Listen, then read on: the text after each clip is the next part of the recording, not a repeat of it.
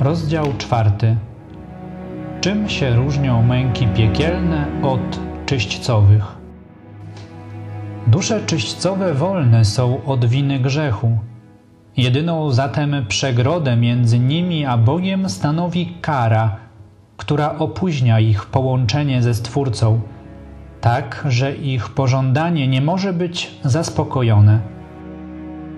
Gdy więc dusza poznaje niezbicie, jakiej wagi jest wszelka, choćby najmniejsza przeszkoda, która zmusza sprawiedliwość Bożą do trzymania jej w oddaleniu od siebie, wówczas zapala się w niej ogień tak silny, że przypomina ogień piekielny.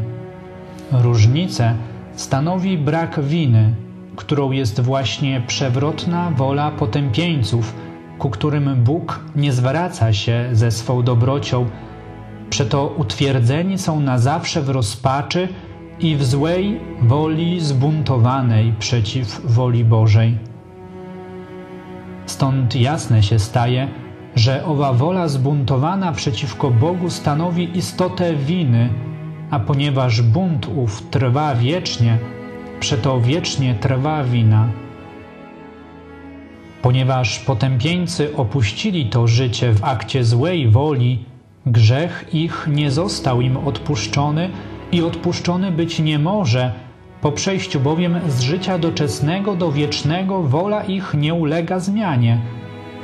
Po śmierci dusza jest utwierdzona w złym albo dobrym, które obrała świadomie i dobrowolnie wedle tego, co jest napisane, gdzie cię znajdę, to znaczy czy w godzinę śmierci wola będzie zwrócona do grzechu, czy też przejęta żalem za winy, tam cię osądzę.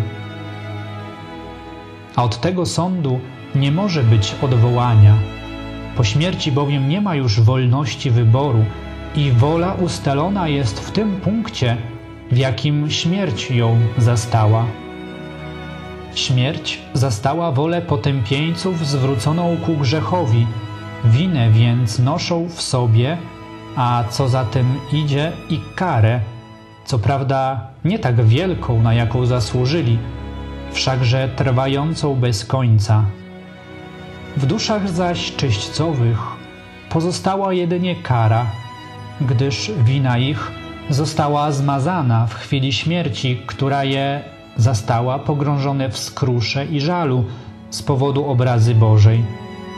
Ich kara jest więc określona co do czasu i zmniejsza się stopniowo w miarę zbliżania się do swego kresu, jak to było wyżej powiedziane.